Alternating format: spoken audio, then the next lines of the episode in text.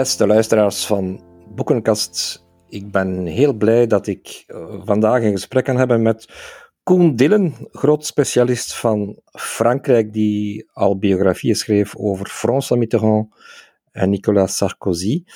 En die nu een heel uh, relevant boek heeft geschreven, De Polemist en de President. En dat gaat over niemand minder dan Erik Zemmour, maar veel meer dan dat. Het is een boek. En dat is meteen mijn eerste vraag aan Koen Dillen. Het gaat natuurlijk, uw boek gaat natuurlijk over veel meer dan de figuur van Erik Zemmour. Ja, ik heb uh, geprobeerd een beetje uh, de politieke geschiedenis van de voorbije jaren te schetsen, uh, met een focus dan meer bepaald op de rechtse partijen en op de, de huidige president Emmanuel Macron, om een beetje te begrijpen hoe we in, de, in Frankrijk in de politieke situatie van vandaag verzeild geraakt zijn en wat de inzet van deze presidentsverkiezingen is. Omdat toch enorm opvalt, uh, vind ik persoonlijk, uh, sinds, laten we zeggen, een goed decennia, sinds de twee voorbije presidentschappen, die van Nicolas Sarkozy en van de socialist François Hollande, dat enorm opvalt dat de, de centrumpartijen uh, geen grote rol meer lijken te spelen in het Franse politieke landschap. En dat het eerder uh, meer uitgesproken, zeg maar radicale figuren zijn, zowel ter linker als ter rechterzijde. We denken dan aan Marine Le Pen, we denken aan iemand als Jean-Luc Mélenchon, we denken ook dus aan de nieuwkomer Eric Zemmour, waar ik op focus, die de uitdagers van uh, Macron zijn geworden. En, en vooral het, het debat zijn beginnen beheersen. En die geschiedenis heb ik een beetje proberen te schetsen in, in mijn boek. Het is alsof het Franse politieke landschap uh, door een soort uh, tsunami of aardbeving door elkaar is geschud. Als iemand uit, uh, vanuit het einde van de vorige eeuw met een teletijdmachine naar het Frankrijk van vandaag zou komen, dan zou je toch wel enigszins schrikken, omdat de grote partijen in feite verdwenen zijn en de Franse politiek zich meer en meer begint te axeren op figuren de huidige president Macron heeft zijn eigen partij opgericht. Uh, Erik Zemmour is in feite daarmee vergelijkbaar. En het, het meest spectaculaire, u als biograaf van François Mitterrand weet dat natuurlijk ook, de PS bestaat in feite nog nauwelijks. En ook de, rechter, de rechterzijde, de traditionele partij Les Républicains, is toch ook niet meer in optima forma. Hoe verklaart hij die, wat we toch moeten noemen, een soort uh, versplintering van het landschap? Wel, een versplintering of herverkaveling, daarover zouden we kunnen discussiëren.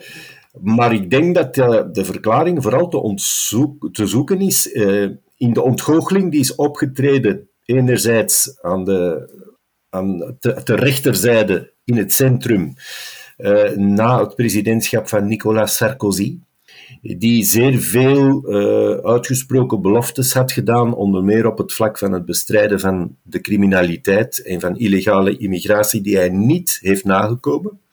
En aan de andere kant natuurlijk enorme ontgoocheling over de figuur van François Hollande ter linkerzijde. Uh, die ook zijn vele sociale beloftes niet is nagekomen. En waar dan iemand, een figuur als Emmanuel Macron, van geprofiteerd heeft om zich te emanciperen, want hij was uiteindelijk eerst adjunct-secretaris-generaal op het Elysée, zo is zijn politieke carrière gestart nadat hij bij de Rothschild-bank had gewerkt, is dan opgeklommen tot minister van Financiën.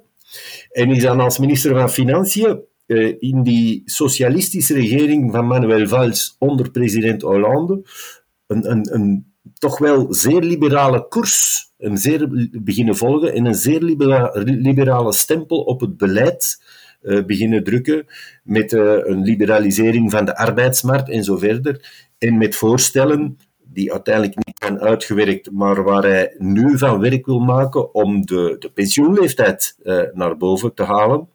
Uh, wat in Frankrijk natuurlijk uh, als, als vloeken in de kerk is ter linkerzijde. Ja, waarbij de pensioenleeftijd in Frankrijk momenteel uh, 60 jaar is. Ja, Frankrijk kent de fameuze regime spéciaux de retraite, uh, die voor bepaalde beroepsgroepen, ik denk bijvoorbeeld aan de, de cheminots, aan de mensen die in de metro rijden, voor bepaalde moeilijke beroepen zeer laag ligt, voor anderen op 62. Uh, en er is al zeer lang discussie over het feit dat dat systeem grondig moet hervormd worden, wil het betaalbaar blijven. En men merkt vandaag dat Macron daar voorstander van is, ook Pécresse, ook Zemmour, maar dat bizar genoeg aan, aan de andere kant van het politieke spectrum, zowel Mélenchon als Marine Le Pen, die zich opwerpen als de verdedigers van de kleine man en van de koopkracht van de kleine man, en dat thema ook vandaag manifest naar voren hebben kunnen schuiven, zich, zich verzetten tegen die hervorming. Dus de, de, de tweedeling links-rechts is, is in feite complexer dan, dan op het eerste gezicht lijkt. Ja, partijen die je, die je vroeger als uiterst rechts zou, zou omschreven hebben.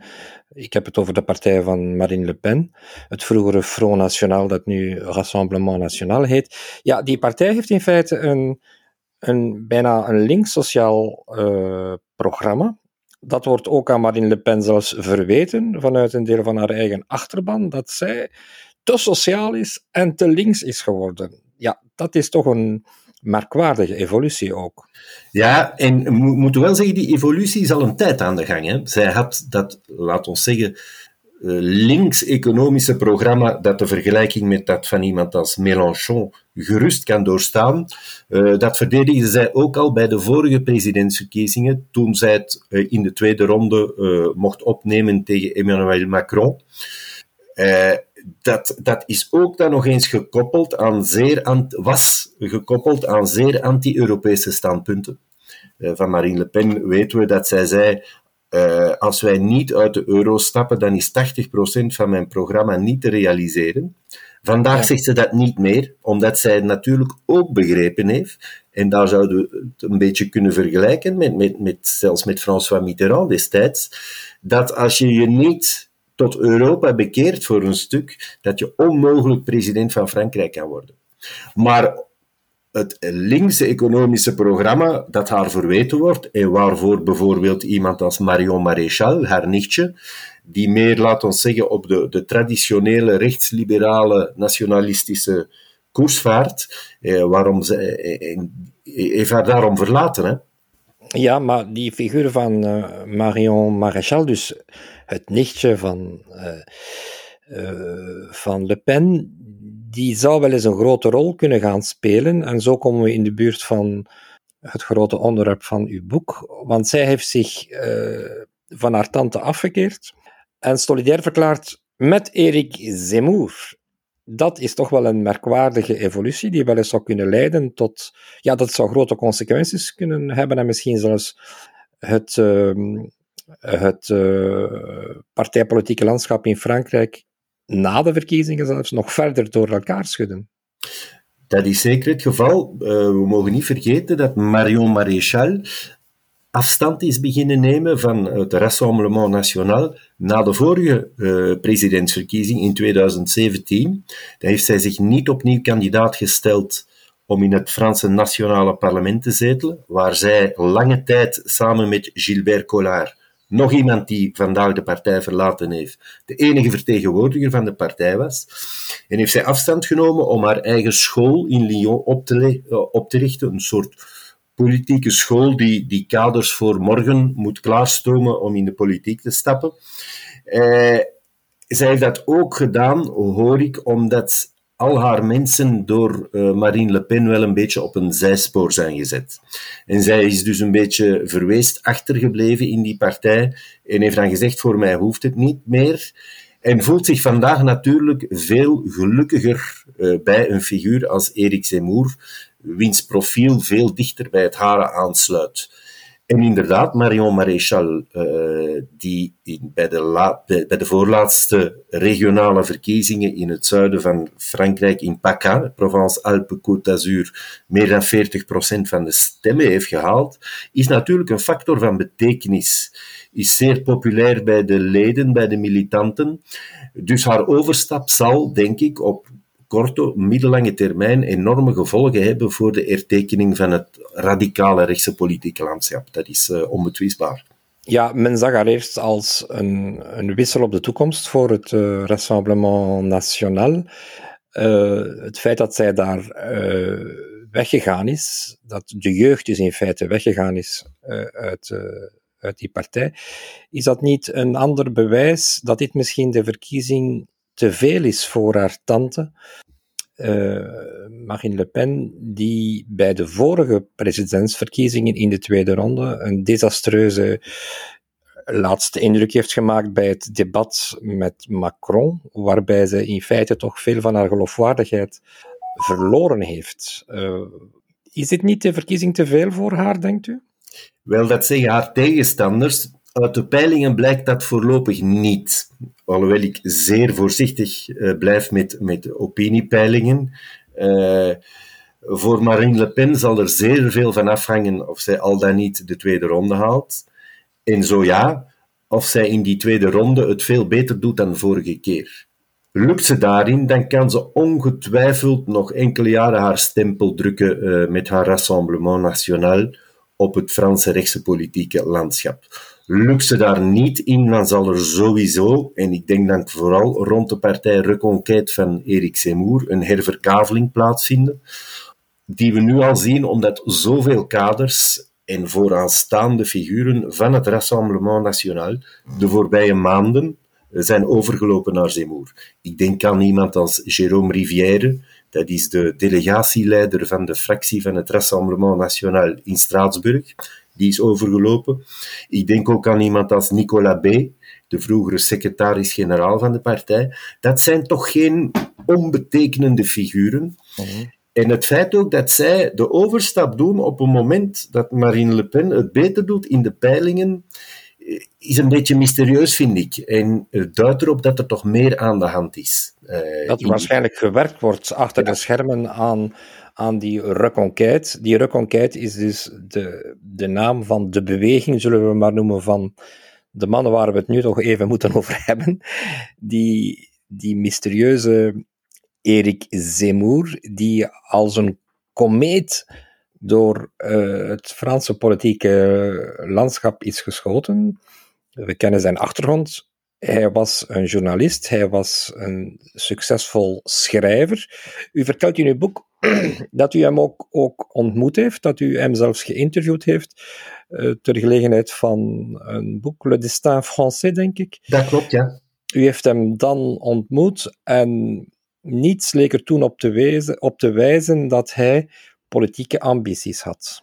Dat klopt, en dan spreken we over december 2018, toen hij in... Dat is niet zo lang geleden, hè? Dat is niet zo lang geleden.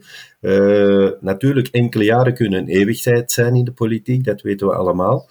Toen hij in Brussel dus dat fameuze boek Destin Français is komen voorstellen, dat een beetje in het verlengde ligt van uh, zijn eerste grote succesboek uh, Le Suicide Français, dat niet minder dan 500.000 keer over de toonbank is gegaan een, een, een turf van 600 bladzijden, een politiek, historisch, literaire turf van 600 bladzijden, op, op, in zo'n grote hoeveelheden verkopen, dat is, dat is ongezien in Frankrijk.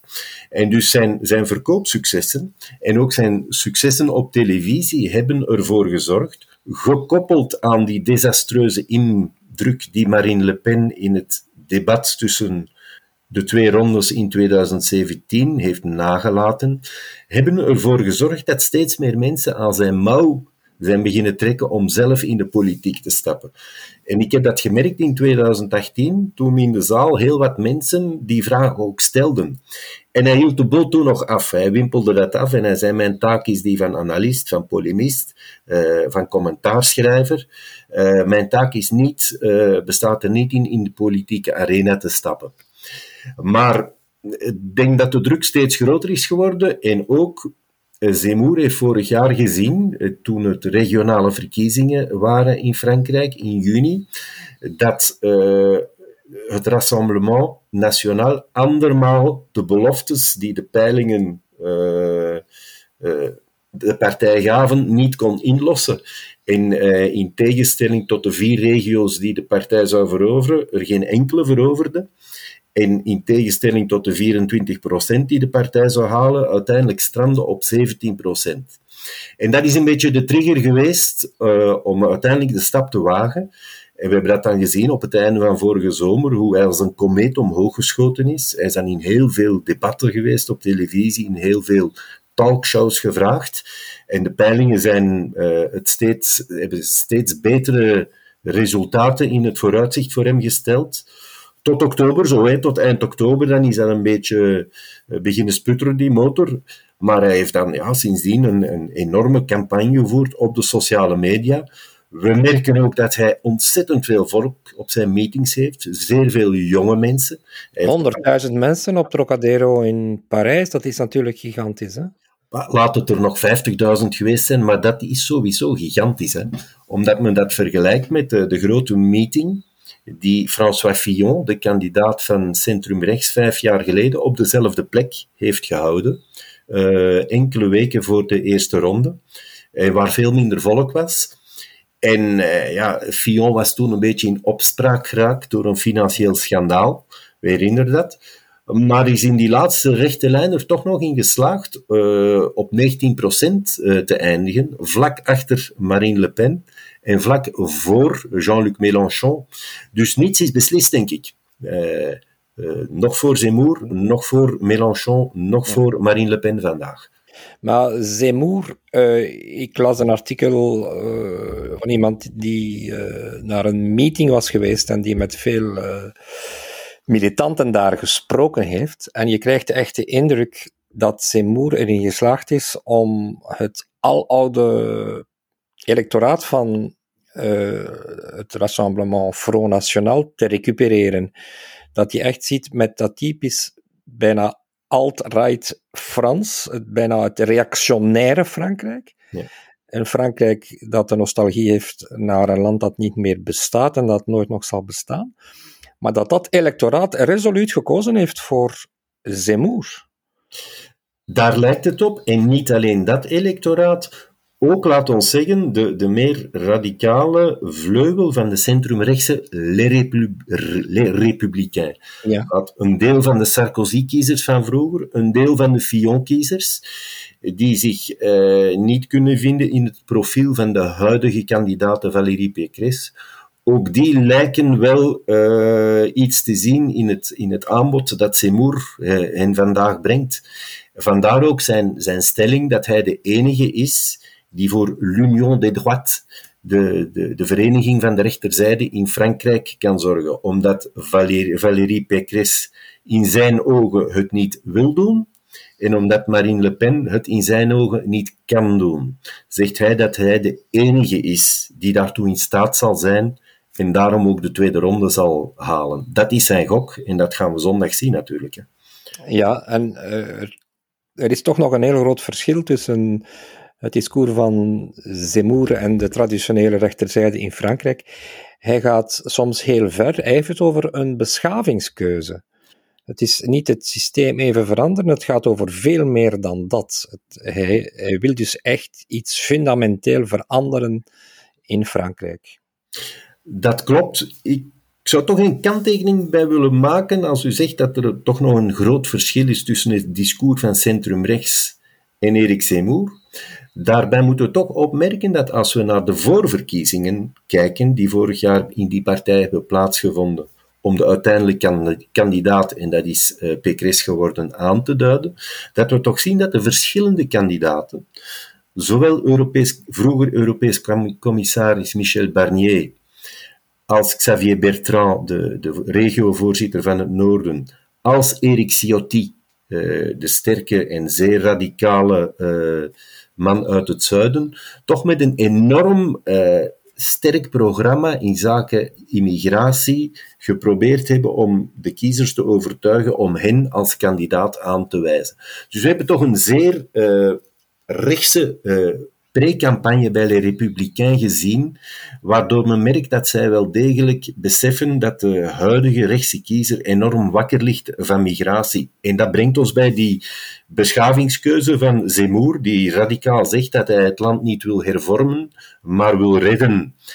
Omdat Zemmour de enige is, zegt hij zelf, die de, het, het fameuze de, de fameuze term le grand remplacement durft te gebruiken. De omvolking. De omvolking uh, die in Frankrijk aan de gang zou zijn en die, uh, als die niet wordt teruggedrongen in de ogen van Zemmour, uh, tot de ondergang van Frankrijk zal leiden. Vandaar dat verlangen, dat beeld van dat Frankrijk van de jaren 60 en 70, dat we in zijn videofilmpjes zien als een ideaal dat terug moet komen en waar hij voor zal zorgen. En dat noemt hij de beschavingskeuze waar hij Frankrijk vandaag voor wil plaatsen. Het is natuurlijk bij wijlen is hij zelfs een beetje, uh, met respect gezegd, maar een beetje een karikatuur van zichzelf, zoals in de film waarin hij zijn eigen kandidatuur uh, aankondigt, zat hij in een, in een bureau dat uit een andere tijd leek te komen, een beetje uit de tijd van uh, president de Gaulle. Ja, de waar hij om... graag mee vereenzelvigt, hè? Natuurlijk, maar het, het, gaat wel, het gaat wel zeer ver en hij aarzelt ook niet om heel radicale stellingen in te nemen. Hij heeft toch wel twee heel. Uh, hij is ook eens veroor, hij is twee keer veroordeeld uh, wegens racisme. Hij heeft ook die merkwaardige wil om het gebruik van voornamen uit andere culturen te verbieden en dus terug te gaan naar een wet van Napoleon, als ik me niet vergis, waarbij enkel uh, namen van heiligen en dergelijke mogen gebruikt worden. We mogen niet vergeten, zijn wet die is blijven gelden tot midden jaren negentig van vorige eeuw. Hè. Dus ja, uh, dat was, was al wel een beetje in, in onbruik geraakt, maar die wet is, is pas zeer laat afgeschaft. Maar dat zijn natuurlijk allemaal voorstellen die hij reeds uh, gedaan had in zijn boeken voor hij in de actieve politiek stapte. Net zoals bijvoorbeeld zijn uh, toch wel voor iemand van Joodse afkomst uh, wat vreemde verdediging van de figuur van Maarschalk Pétain, die tijdens de Duitse bezetting uh, hoofd was van de regering in Frankrijk en collaboreerde met de Duitsers. Uh, en waarvan Zemmour zegt dat het dankzij het beleid van de bezetten van, van, van, van de regering Pétain is geweest van Vichy Frankrijk, dat er zo weinig uiteindelijk... De Franse Joden beschermd zijn. Franse Joden beschermd zijn geweest. Ook dat heeft voor heel wat polemiek gezorgd natuurlijk. Uh, niet alleen bij historici, maar ook in, in debatten op televisie. En heeft zijn tegenstanders stof gegeven om, om hem in de extreme hoek te drukken. En daar dreigt hij misschien wel een kleine prijs voor te betalen zondag. Nou, waarom, waarom doet hij dat? Want eh, die, hele discussie rond Pétain kan interessant zijn voor uh, historici, maar de onderliggende boodschap heeft natuurlijk wel heel vreemd, want het komt van, van een Jood, heeft toch wel een antisemitisch kantje natuurlijk en wordt als dusdanig geïnterpreteerd door een deel van zijn electoraat. En ook het voorstel van die, de, de voornamen, waarvan iedereen weet dat dat toch niet haalbaar meer is in 2022, dat dat voor ja, toch wel grote onrust zou kunnen uh, zorgen. Soms heb ik het gevoel dat, dat, dat, dat zijn reactionaire reflexen, uh, dat, dat die sterker zijn dan hij zelf. Ja, en, en dat hij die politiek niet goed kan vertalen. Maar waarom neemt hij de verdediging van Pétain op zich? zich, op zich? Zegt hij zelf, dat is omdat uh, door de, de demonisering, de criminalisering van het Vichy-regime, de linkerzijde erin geslaagd is ook een taboe op uh, het migratiedebat vandaag te leggen. En hij zegt, als we die ene ballon niet doorprikken, dan zullen we ook vandaag bij elke vorm van ander migratiebeleid geculpabiliseerd worden, zoals we voor het verleden uh, van Frankrijk tijdens de Tweede Wereldoorlog geculpabiliseerd worden. En dat is een beetje de redenering die er bij hem achter steekt. Of dat natuurlijk aanslaat bij de kiezer, is een andere vraag. Hè? Ja, je hebt soms toch wel het gevoel dat hij, uh, ja, dat dit electoraal gezien niet doordacht is. Uh, Zemmour uh, heeft natuurlijk geen politieke partij. Ik las ja. ook in een, in een artikel. Vandaag wel, hè, met Reconquête. Hè? Ja, maar die, die heeft geen zware structuur.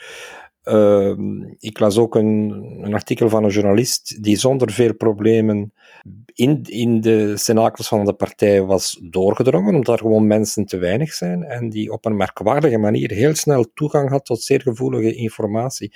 Dus Is dat niet het zwakke punt van Zemmour? Dat hij nog geen politieke partij heeft die naam waardigt. Het kan misschien komen, maar momenteel uh, lijkt het wel alsof hij uh, een beetje alleen staat, toch? En misschien niet goed omringd is ook. Ja, hij trekt zich natuurlijk op aan het voorbeeld, het illustere voorbeeld van Emmanuel Macron zelf.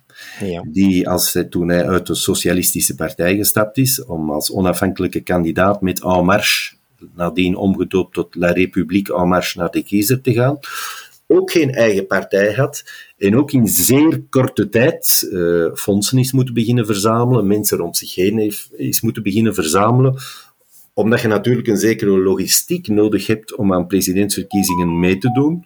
Maar ik denk dat daar inderdaad het grote verschil zit met het Rassemblement National, dat natuurlijk een, een machinerie is die al vele jaren meedraait in het politieke landschap.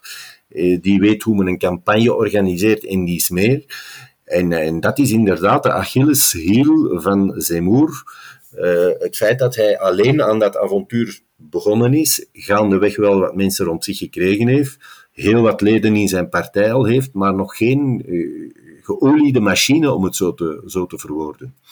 En dat zal de toekomst uitwijzen, en met name de, de, de parlementsverkiezingen die plaatsvinden een maand na de presidentsverkiezingen, uh, dan zal de toekomst uitwijzen wie van de twee partijen, het Rassemblement National of Reconquête, uh, de vruchten zal plukken van het ongenoegen van de kiezer.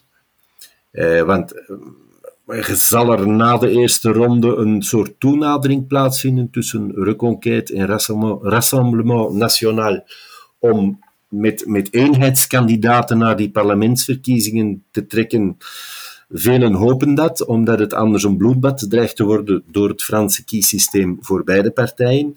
Maar dat is op dit moment ja, voor een buitenstaander een beetje koffiedik kijken. Uh, het zou waarschijnlijk toch wel afhangen van wie er in de tweede ronde ja. geraakt.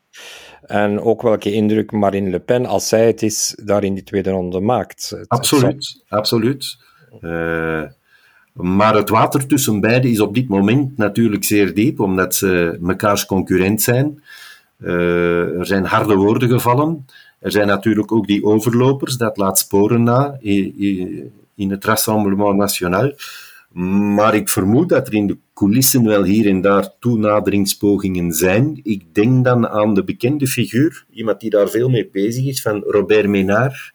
Dat is de burgemeester van Bessiers, de vroegere voorzitter van Reporters Sans Frontières, iemand die ook van de linkerzijde komt in zijn jeugd. En die met steun van het Rassemblement National, maar zonder lid van de partij te zijn, verkozen is als burgemeester van Béziers, maar tegelijkertijd een goede vriend van Zemmour is. En die er alles aan doet om die twee met elkaar te verzoenen. Maar nog eens, zoals u zegt, dat zal na zondag pas uitgeklaard kunnen worden en, en ook na de tweede ronde. Als een van beide al dan niet uh, die tweede ronde haalt en, en, een bepaalde indruk nalaat en een bepaalde score uh, neerzet in, in, op 24 april. Hè.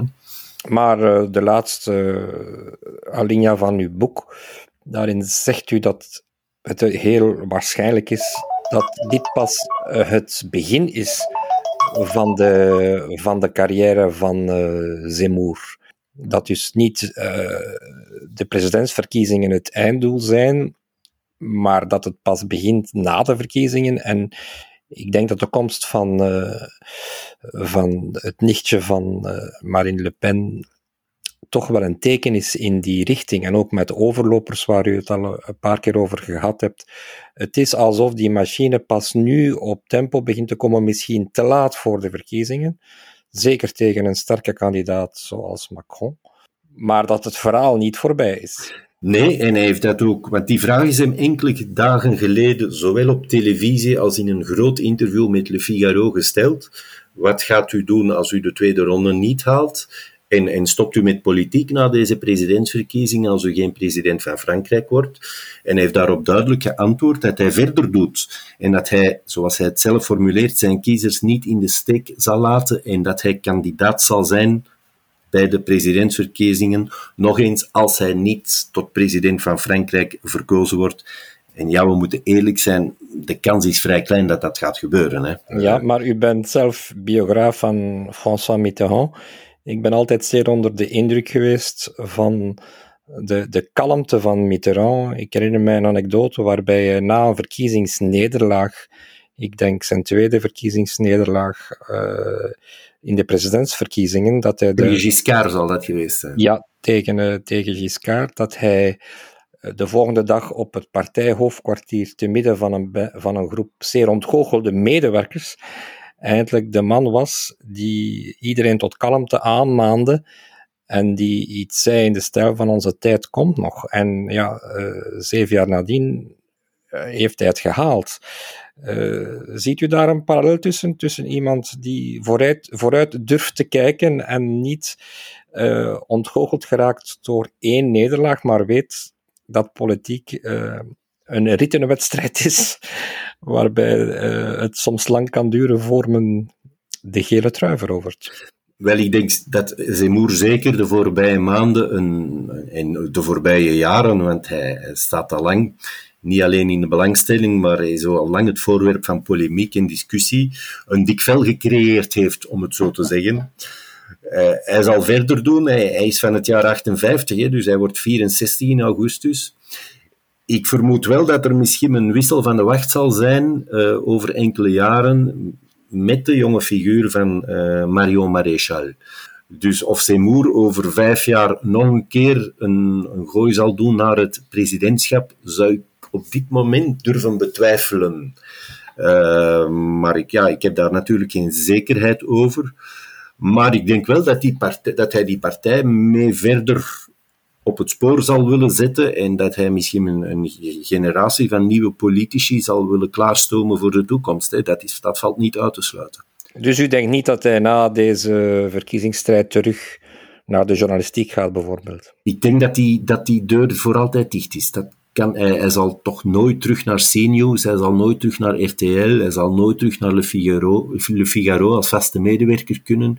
Uh, daarvoor is hij de Rubicon overgestoken.